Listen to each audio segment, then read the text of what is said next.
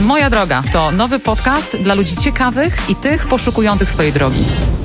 Słuchajcie podcastu Moja droga przy mikrofonie Dagmara Brzezińska i Basia Mierzwińska.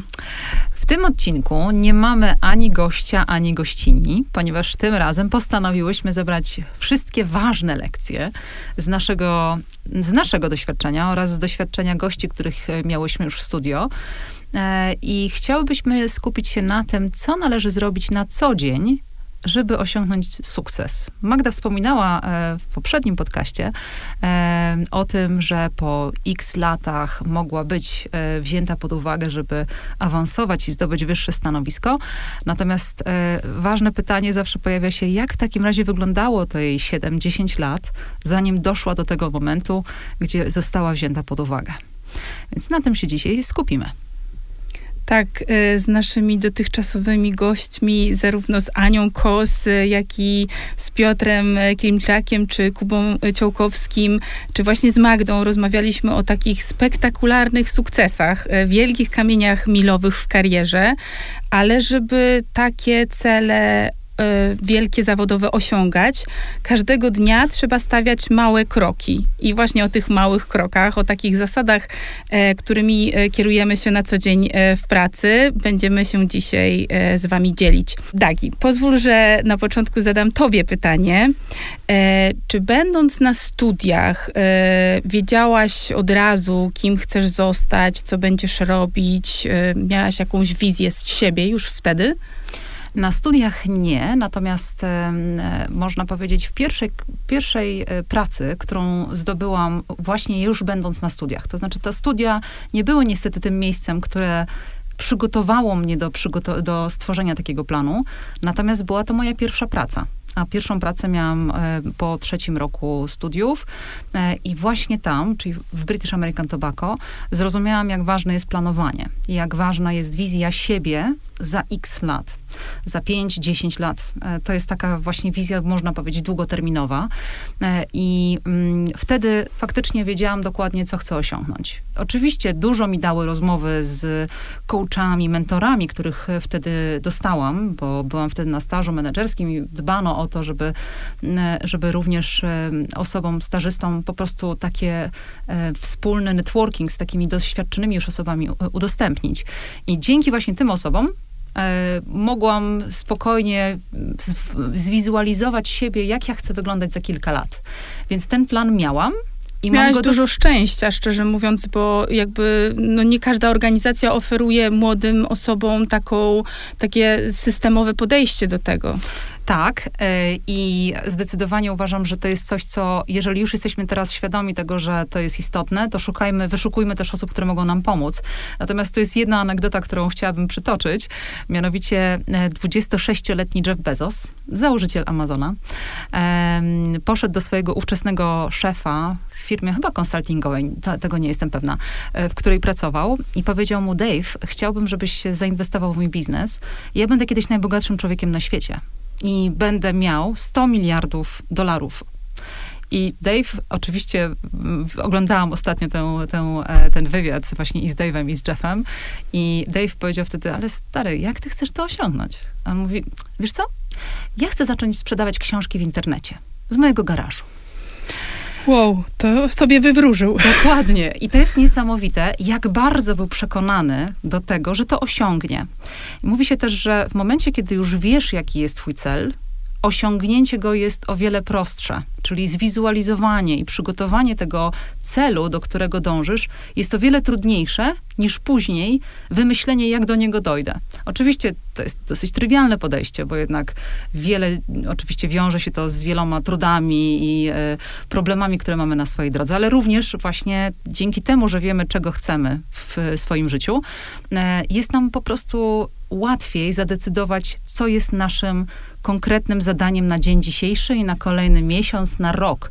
Robi się nam to po prostu łatwiej. To zdecydowanie bardziej motywuje do działania. Ja może też bym podsumowała, co daje tak naprawdę posiadanie takiego planu bo to może jest w kilku, w kilku punktach, dlaczego to jest takie istotne i dlaczego ta wizualizacja na sam koniec jest istotna.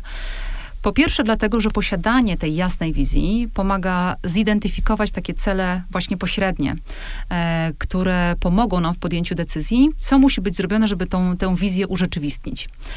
Drugie to określenie celów powoduje również, że pracujemy lub wstajemy rano w sposób bardziej zorganizowany a, a pozbywamy się tego chaosu, to nas bardzo dyscyplinuje. Trzyma nas po prostu w ryzach, e, w naszych również najgorszych momentach, które zawsze będą i to trzeba jasno, jasno sobie powiedzieć. I te jasno określone cele motywują nas do przezwyciężania właśnie tych problemów, ponieważ widzimy tę wizję długofalową. Poza tym planowanie zawsze oznacza również określenie czasu, tych zasobów potrzebnych do tego, e, żeby ten plan zrealizować, które są po prostu niezbędne. No i co najważniejsze, posiadanie również takiego planu wytwarza w nas poczucie odpowiedzialności. I to poczucie odpowiedzialności sprawia, że właśnie co rano Jeff Bezos, siedząc w garażu, e, pakował swoje książki, zastanawiał się nad nowymi algorytmami i szukał nowych dostawców, którzy będą mu przygotowywali lepsze oferty.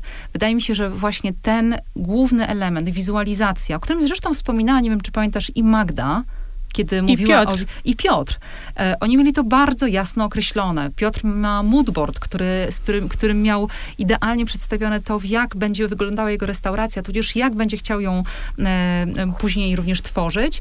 A Magda widziała siebie w roli CEO, jeszcze e, w roli dyrektor e, krajowej, jeszcze nie będąc w tej roli i jeszcze nie zastanawiając się nawet nad tym, jak to będzie wyglądało. E, tak, ciekawe jest to, co mówisz o odpowiedzialności, bo wydaje mi się, że właśnie właśnie ta odpowiedzialność i takie poczucie sprawczości e, i, i, ta wizja powoduje, że my nie oczekujemy, że to świat nam e, utoruje tą drogę, albo że ktoś nam poda jakieś gotowe rozwiązania czy ścieżkę kariery, tylko, y, tylko to po prostu jest w naszych rękach i tutaj e, nie mamy już możliwości spychania na kogoś, odpowiedzialności, oczekiwania czegoś od firmy, tylko mamy ten cel i tak jak powiedziała Magda, to nie musi być ta konkretna korporacja czy organizacja, tak? Jeżeli masz ten cel i ta organizacja e, nie daje ci tych możliwości, e, żeby go urzeczywistnić, to po prostu zmień tą organizację.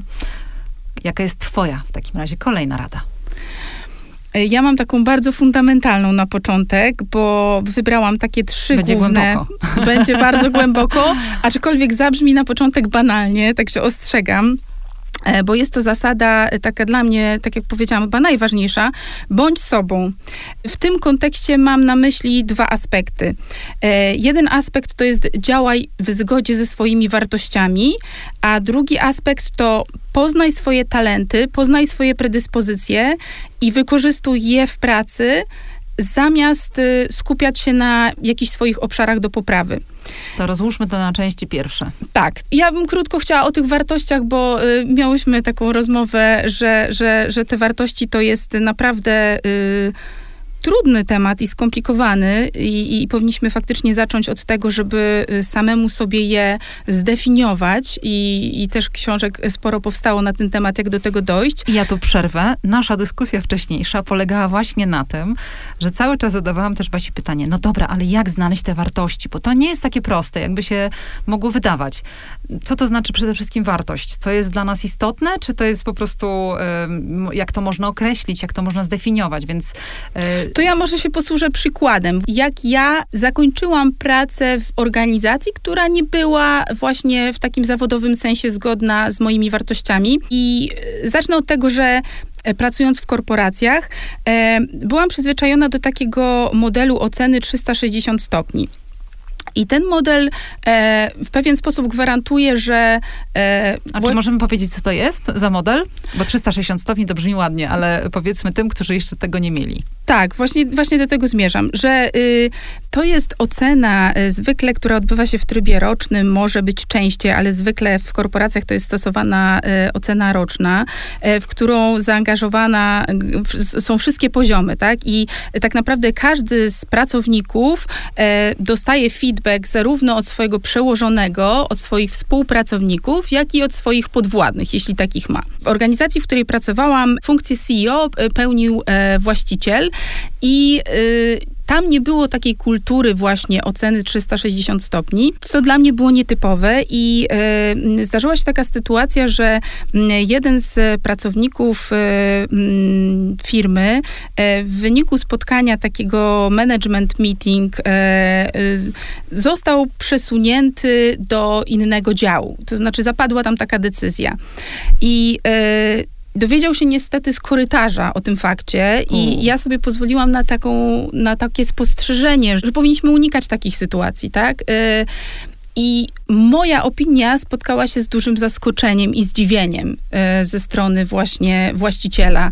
To po prostu nie było w tej firmie e, praktykowane. Czyli, było, czyli można powiedzieć również, że wartości, to też chyba mm, e, jest bardzo istotne. Jeżeli idziemy do jakiejkolwiek czy korporacji, czy firmy, czy biura architektonicznego, kancelarii prawnej i tak dalej, to nie ma znaczenia. Wartości są bardzo często utożsamiane też z kulturą organizacji, ale wartości są tworzone przez ludzi, którzy również albo są właścicielami, albo współzarządzają również taką, taką organizacją, tak? Tak, dokładnie. I tutaj chodzi o taką wartość y, takiej mm, transparentności, mhm. takiej bezpośredniej komunikacji. E, ja w to wierzę, ja to sobie bardzo cenię. Dla mnie to jest fundamentalne. No i z mojego doświadczenia wynika, że jeżeli właśnie na tym poziomie wartości e, nie ma tej spójności, i tu nie chodzi o to, żeby się przekonywać, które wartości są lepsze, e, to warto znaleźć po prostu taką organizację, która jest spójna z tymi naszymi wartościami. I to była ta pierwsza część, o której powiedziałaś, tak. a druga część to jest znać swoje umiejętności i, i mocne strony, tak? Dokładnie, tak. Czyli w tym haśle bądź sobą y, mam też na myśli to, żeby znaleźć organizację i stanowisko, w którym te nasze cechy osobowości, nasz styl pracy, nasze talenty będą wartością, będą docenione i nie będą postrzegane jako y, obszar do poprawy. I Tutaj chciałam się z kolei posłużyć takim przykładem z konferencji o kobietach w technologiach, gdzie jedna z liderek, nie chcę teraz nikomu wkładać w usta, nie wiem, czy to była przedstawicielka dywizji międzynarodowej Facebooka, czy innej, e, e, innej organizacji z, e, z Big Tech, e, ale, ale tutaj bardzo ciekawym się swoją historią e, e, podzieliła właśnie z młodymi osobami rozpoczynającymi karierę w IT i ona zwróciła nam uwagę na to, że e, jest osobą bardzo ekspresyjną, bardzo taką charyzmatyczną i że pierwszy feedback, jaki dostała właśnie rozpoczynając karierę, był taki, że ona powinna być bardziej profesjonalna, że powinna popracować nad swoim stylem komunikacji, że jest właśnie taka zbyt y, ekspresyjna, że powinna być bardziej stonowana, bardziej profesjonalna.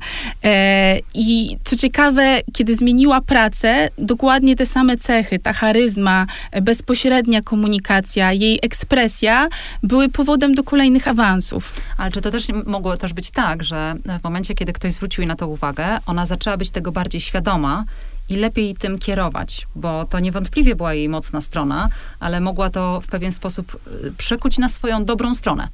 Więc e, feedback, jakikolwiek by on nie był, bo ja tutaj absolutnie się z tobą zgadzam, feedback jest jednym z elementów, na które zawsze powinniśmy patrzeć pod kątem właśnie tych codziennych kroków.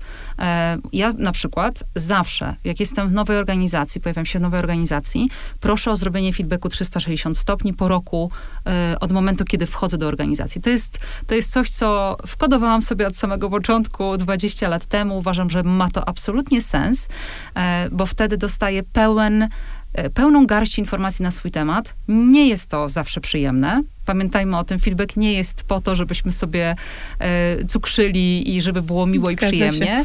Natomiast po tym momencie przychodzi duża fala takiego, takiej ogromnej wdzięczności za to, że mogę wreszcie skupić się na takich pewnych elementach, które chciałabym poprawić, albo może wbrew pozorom ktoś, kto zwrócił uwagę na jakiś jeden z elementów, ja chcę go zachować na takim poziomie, na jakim jest, ponieważ mnie to po prostu satysfakcjonuje i jest w zgodzie, tak jak powiedziałeś, z moimi wartościami. Więc e, feedback z mojej strony to jest taka jedna z kolejnych zasad, które, które ja będę na pewno e, pilnować, jeżeli chodzi o e, taką zasadę mm, mówiącą właśnie o tym, jak sprawić, żeby ułatwić sobie tę drogę, drogę do sukcesu. E, także po mojej stronie feedback. Chciałabym wrócić jeszcze do jednego e, elementu. Zanim w ogóle e, idzie się do pracy, my jako już osoby rekrutujące możemy też zdradzić parę naszych takich haczyków i elementów, na które zwracamy uwagę. Ja z kolei jestem osobą, która zwraca uwagę również na social media osób, które, które do nas, które do mnie przychodzą i jeżeli je rekrutuję, sprawdzam zawsze profil na LinkedInie albo sprawdzam posty, które ta osoba skomentowała, w jaki sposób też skomentowała. E, dlaczego jest to takie ważne? I pamiętajmy o tym, to jest, to jest szalenie ważne. E, nikt nie jest w tym momencie już anonimowy. Oczywiście nie mówię tutaj o sprawdzaniu kont na Instagramie czy Facebooku, bo to nie o to chodzi. Mówię o LinkedInie. Na LinkedInie mamy społeczność biznesową, która jest zainteresowana e, przede wszystkim tworzeniem właśnie sieci znajomości związanej z pracą, z, z życiem zawodowym. I w momencie, kiedy widzę osobę, która komentuje w sposób um, bardzo pejoratywny, ale nie potrafiąc tego przedstawić, e, wówczas e, faktycznie mam problem z taką, z taką osobą, żeby ją na przykład do siebie zatrudnić. Więc pamiętajmy o tym, jakiego języka używamy, jakiej kultury e, języka, jakiej kultury wypowiedzi, jaką kulturę wypowiedzi mamy, ponieważ to właśnie ona później jest dla mnie istotna w momencie, kiedy chcę taką osobę przyjąć do pracy. Dlaczego? Pewnie zadasz takie to pytanie, więc już cię od razu uprzedzę.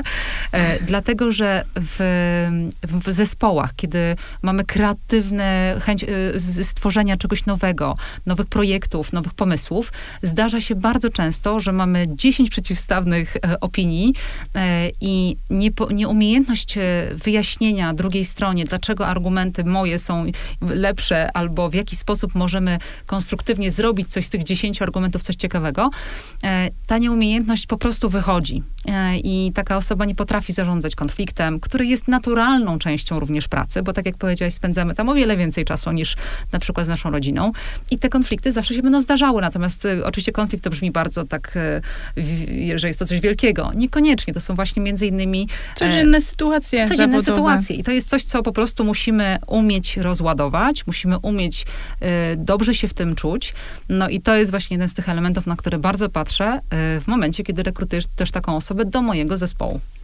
Tak, czyli podsumowując, jakby każdy z nas, niezależnie czy to jest początek właśnie drogi zawodowej, kandydat na jakieś stanowisko, czy my jako menedżerowie doświadczeni, powinniśmy pamiętać, że e, social media, w szczególności takie właśnie zawodowe jak LinkedIn, są pewnego rodzaju przedłużeniem naszej takiej aktywności i e, no też podlegają ocenie, tak? Jesteśmy już w środku, już nie dobieramy organizacji do siebie, tylko y, chcemy osiągnąć sukces, realizując swoje codzienne zadania. E, to tutaj ja bym miała taką, taką radę, w którą szczerze wierzę. Pracuj działaj jak freelancer. Nawet jeżeli jesteś e, menedżerem z benefitami typu samochód służbowy, e, opieka medyczna, działaj jak freelancer. Każdego dnia, wykonując swoje zadania, zakładaj, że powinieneś działać tak, jakbyś chciał sprzedać tą usługę czy tą pracę, którego dnia wykonujesz, konkurując z innymi. E, I tutaj takie pytanie można sobie zadać e, kontrolne. Czy sam będąc swoim przełożonym, e, zapłaciłbyś za wykonanie tego zadania, które dostarczyłeś? Czy realnie rozwiązujesz jakiś problem organizacji? Czy jakość twojej pracy dla ciebie samego by była satysfakcjonująca, gdybyś odpłatnie zlecił takie zadanie. Ale to jest bardzo męczące, Basia, wiesz o tym, bo wiele osób, i zresztą był taki ciekawy artykuł, ostatnio czytałam w, również na łamach Vogue, e, o rage quittersach e, i też o, o pokoleniu, ale niekoniecznie pokoleniu, bo wydaje mi się, że to jest cross, wszystkie pokolenia, e, gdzie część osób po prostu mówi o tym, że chce być przeciętnymi i nie wychodzącymi poza pewne schematy od 9 do 17 i właściwie nic mi więcej nie interesuje. Niestety idzie w kontrze chyba do tego, co mówisz, bo jednak jak jesteś takim freelancerem i chcesz sprzedać swoje usługi i chcesz, żeby one były naprawdę na najwyższym poziomie, no to reprezentujesz je właściwie każdego dnia. I tu nie ma przestrzeni na przeciętność. Tak, to jest właśnie bardzo niebezpieczne, co było w tym artykule przedstawione jako spo, sposób pokolenia milenialsów radzenia sobie z sytuacją, w której e, poszli po podwyżkę, nie otrzymali jej, więc e, to jest chyba takie e, ciche, ciche, e, ciche odejście, mhm. to jest tak chyba nazwane, czyli totalne ograniczenie swojego zaangażowania, zero poświęceń, praca na takim minimum, które nie pozwala cię zwolnić, ale jednocześnie też nie daje ci żadnej szansy na, na awans i rozwój. Ale to jest bardzo niebezpieczne z dwóch perspektyw, to znaczy ze strony osoby, która właśnie wchodzi w taki układ ze, sama ze sobą, e, niestety ta przeciętność przechodzi później na pewność siebie, bo to będzie miało wpływ na ciebie jako na osobę, ponieważ przez większą część swojego dnia e, uważasz, że jesteś przeciętny albo podświadomie wykonujesz przeciętnie swoje obowiązki, więc de facto w jakimś kontekście czasowym również, niestety to, to, nie są, to nie jest korzystne również dla, dla ciebie samego, a z drugiej strony to oczywiście też nie jest korzystne dla organizacji. I tutaj obydwie strony powinny się zastanowić nad tym, gdzie jest, gdzie leży błąd i, i jak możemy go naprawić, bo to znaczy, że ta osoba nie jest we właściwym miejscu, nie wykorzystuje swoich super umiejętności, właśnie to, o czym mówiłaś, ponieważ nie są one dostrzeżone przez pracodawcę, bo może po prostu pracodawca widzi, że takie same cechy albo kompetencje ma ktoś inny, albo ma je na wyższym poziomie. W związku z tym według ciebie były one wyjątkowe, ale de facto jako freelancer nie potrafisz tego sprzedać, albo po prostu nie jest to na wystarczająco wysokim poziomie. Zgadza się, dlatego wydaje mi się, że to hasło działa jak freelancer, to troszeczkę na nas przenosi tą odpowiedzialność, żeby znaleźć klienta na naszą usługę czy produkt i też e, e, takiego, który zapłaci za to jak najwyższą cenę. Być może będzie to oznaczało, żeby zmienić organizację rzeczywiście. No ja tutaj też dodam taki aspekt sprzedaży. Każdy z nas powinien nauczyć się również sprzedawać, niezależnie od tego, w jakim dziale jest, ponieważ my, tak jak powiedziałaś, sprzedajemy nasze kompetencje, sprzedajemy siebie podczas spotkań, to w jaki sposób się przedstawiamy, w jaki sposób prezentujemy, w jaki sposób mówimy i w jaki sposób budujemy również te alianse, które są niezwykle ważne do odniesienia sukcesu dla całej organizacji. Więc e, ja bym tutaj właśnie mocno, e, mocno również na, nacisnęła na ten jeden z elementów, którą jest właśnie sprzedaż. Nauczmy się sprzedawać, bo to nam pomoże w karierze. To jest właśnie trzecia moja zasada. Wyprzedziłam cię. Naucz się piczować. E, o, to tak. takie, jak to powiedziała bardzo, Magda, bardzo staropolsku polskie tak, y, hasło, y, ale mam tu na myśli właśnie taką szybką, skuteczną komunikację, zwięzły, logiczny przekaz dopasowany do odbiorcy i to jeszcze z taką empatią poznawczą, tak, y, tak zwaną, czyli z przyjęciem perspektywy odbiorcy. Ja myślę, że tutaj niestety wszyscy jako ludzie bardzo często mamy taką cechę, że przyjmujemy swoją perspektywę, czyli opowiadamy o swojej pracy. Wchodząc na rynek, rynek pracy musimy sobie zdać sprawę, że e, oczekujemy wynagrodzenia za tą pracę. Ona musi realnie przynosić wartość dodaną. I tutaj y, po prostu musimy przyjąć perspektywę naszego klienta, czy to klienta wewnętrznego, i tutaj mam na myśli przełożonych, współpracowników, którzy oczekują na jakiś kawałek naszej pracy, czy zewnętrznego, który faktycznie coś od nas ostatecznie ma kupić i e, no, nie uciekniemy przed tym. Wspomniałaś o szefie. I ja bym tutaj miała parę rad, jak sobie radzić z szefami, a miałyśmy ich wielu, e, więc możemy zdradzić chyba kilka, kilka zasad.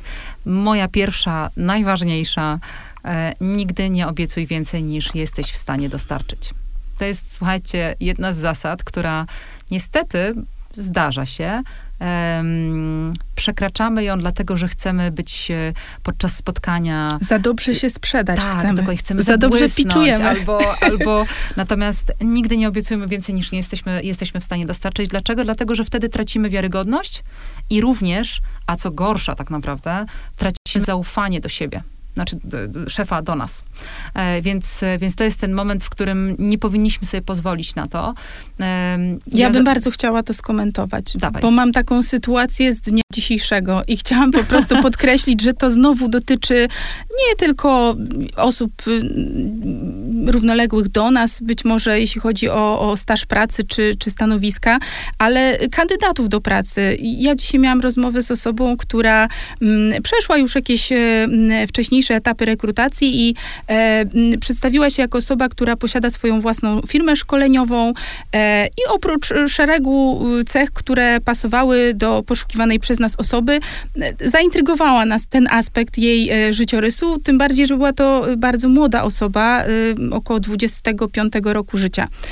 I pociągnęliśmy ten wątek podczas rozmowy i okazało się, że mm, ta osoba prowadzi firmę szkoleniową i szkoli z kompetencji miękkich, między innymi e, z zarządzania zespołami, e, w tym również klientów e, zagranicznych. Wchodząc głębiej jakby w ten temat, y, okazało się, że y, tak naprawdę to, że zrealizowane szkolenia to były y, dla firmy kogoś z rodziny, a, a zlecenia właśnie albo przyszły... Może byli spoza Polski cała rodzina. Bardzo możliwe, dlatego ja tutaj nie chcę, y, nie chcę jakby Mniejszać, podsumowywać tego, że, że to się nie stało, natomiast, e, natomiast był to pewnego rodzaju overpromise. Ta osoba być może pasowałaby nam w tym, w tym zakresie kompetencji, które się potwierdziły, ale fakt, że, fa, tak, fakt że tutaj ubarwiła zbyt y, ten temat, powoduje, że tracimy do niej zaufanie. I to jest e, kolejny punkt, który e, idealnie e, tutaj spuentowałaś już zanim go powiedziałam, mianowicie nie koloryzuj nigdy rzeczywistości przed swoim szefem. Uważam, że nie ma nic gorszego niż pracownik. Ja zresztą sama jestem tego przykładem. Nie ma nic gorszego, kiedy słyszę, że jest wszystko w porządku, wszystko się dzieje idealnie, natomiast nie mam wysyłanych ostrzegawczych salw mówiących o tym, że uwaga, w tym obszarze mamy problem, możemy mieć jakieś trudności, i tak dalej, i tak dalej. Oczywiście w momencie, kiedy idę do swojego szefa, albo jak szłam do swoich szefów, to zawsze w momencie, kiedy mówię, ostrzegam, jest problem, może się pojawić coś na horyzoncie, przychodzę również z planem naprawczym. Nigdy nie, nie robię tak, że po pierwsze, no nigdy nie koloryzuję rzeczywistości, bo to ma bardzo krótkie nogi i to jest naprawdę, e, to jest ułamek naszego zawodowego życia, kiedy się okazuje, że jest zupełnie inaczej i po prostu tracimy już do końca tę wiarygodność. Natomiast e, zdecydowanie dla mnie najważniejsze jest to, że kiedy przychodzę do, e, do, swojego do swoich szefów, przychodziłam do swoich szefów i przychodzę do swojego szefa, zawsze mam plan naprawczy albo plan, który wiąże się z tym, że tę, e, tę trudność można e, przełamać. Więc druga moja zasada, poza tym, żeby nie obiecywać zbyt wiele, jeżeli nie można tego, tego osiągnąć, nie koloryzujemy rzeczywistości. Jeżeli już przychodzimy z tematem, z problemem, przychodź już z gotowymi rozwiązaniami, i e, staraj się wciągnąć swojego szefa również w podjęcie decyzji. Twój szef musi mieć jak największą ilość informacji, żeby podjąć właściwą, właściwą decyzję. I ty musisz ją również zapewnić, na jakimkolwiek poziomie byś nie była. Zgadza się. Ja bym tu chciała też płynnie nawiązać do, y, do tego mojego trzeciego punktu. Naucz się piczować, y, tudzież właśnie komunikować zwięźle, logicznie, skutecznie, tak żeby uzyskać aprobatę odbiorców. I tu w tym kontekście, o którym mówisz, e, przedstawiania czy to swojego pomysłu, czy rekomendacji szefowi, czy innym, innemu gronu e, odbiorców, e, ja bym chciała podkreślić wagę też struktury tego komunikatu, tak? Czyli e, struktura i ta empatia poznawcza. Struktura, tutaj myślę, że chyba obie y, zgodnie byśmy przywołały jako taką Biblię nie jest to łatwa pozycja do przełknięcia, ale... Uwielbiam ale, tę pozycję. Czyli zasada zasady, piramidy. Zasady. Pani tak, Barbary Minto. Dokładnie. Pierwszej, pierwszej e, konsultantki zatrudnionej przez McKinsey e, z dyplomem e, MBA, kobiety, e, która pracowała tam 10 lat i właśnie tak e, niesamowite, duże, duży odcisk e, zostawiła. Że aż do tej pory czytamy jej książki i się z tego szkolimy. Daje szereg rad, w jaki sposób strukturyzować swoje dokumenty, czy to prezentacje, czy, czy inne, nawet maile, e, aby szybko i skutecznie e, w sposób zrozumiały przekazać, e, przekazać tą swoją rekomendację, czy przekonać do pomysłu.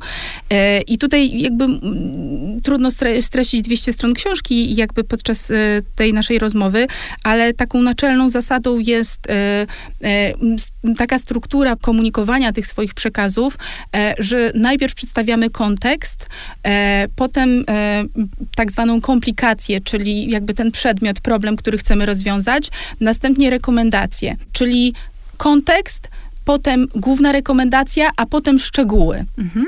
Bo tak też działa nasz mózg. My często chcemy to, co już wspomniałam, e, przy, przyjmujemy swoją perspektywę i pokazujemy całą swoją drogę, e, e, wysiłek, który włożyliśmy w dojście do konkluzji, natomiast musimy mieć tą empatię poznawczą i to nie tylko lider w stosunku do pracownika, ale właśnie pracownik w stosunku do e, swojego przełożonego, który trzeba założyć ma kilkanaście, kilkadziesiąt obszarów pod sobą i kiedy ktoś nam mówi, że w linijce e, tej i tej w kodzie tym i tym jest e, taki znak, a w innym jest inny, to, to, to nie możemy liczyć na to, że ktoś będzie w stanie podążyć i tak naprawdę musimy rozwiązać konkretny problem i przedstawić to w sposób zwięzły i logiczny. No właśnie, to była Basi rekomendacja na y, y, zarządzanie swoim szefem, czyli stosowanie zasad Pyramid Principle, które zgadza się, absolutnie jest jednym z najlepszych metod, jedną z najlepszych metod uczącą nas ustrukturyzowanego myślenia i ustrukturyzowanej komunikacji. Bardzo trudne słowo. Słuchajcie, y, czas mija. Wydaje mi się, że na sam początek, bo to jest dopiero początek też naszych e, rozmów. Raz na jakiś czas będziemy miały takie momenty, kiedy będziemy po e, serii naszych gości e, chciały spotkać się właśnie we dwie, żeby przedyskutować, co takiego ważnego wyciągnęłyśmy z dyskusji z naszymi gośćmi, ale również co możemy dodać od siebie na bazie naszych doświadczeń. Więc chcemy wam bardzo również podziękować za sporo pytań, które pojawiły się również po podcaście z Magdą Kotlarczyk, a które dotyczyły właśnie tego, jak radzić sobie w firmie, jak radzić sobie w organizacji, e, jak osiągnąć sukces właśnie codzienną pracą i codziennymi jakimiś elementami, które właśnie dzisiaj pokazałyśmy, e, bo sukces to nie jest e, droga na skróty, to nigdy nie będzie droga na skróty. Praca, praca, jeszcze raz praca to jest podstawa, o której dzisiaj nie mówiłyśmy, ale taka ciężka praca niestety to jest chyba taka mm, kwintesencja tego, jeżeli chcemy osiągnąć sukces. Nie łudźmy się, to naprawdę nie jest loteria. Bardzo dziękujemy za wysłuchanie tego odcinka i zachęcamy do dzielenia się w komentarzach waszymi lifehackami w życiu zawodowym. E, żegnamy się i do usłyszenia w kolejnym odcinku podcastu Moja Droga. Dziękujemy za wysłuchanie. Do usłyszenia. Do usłyszenia.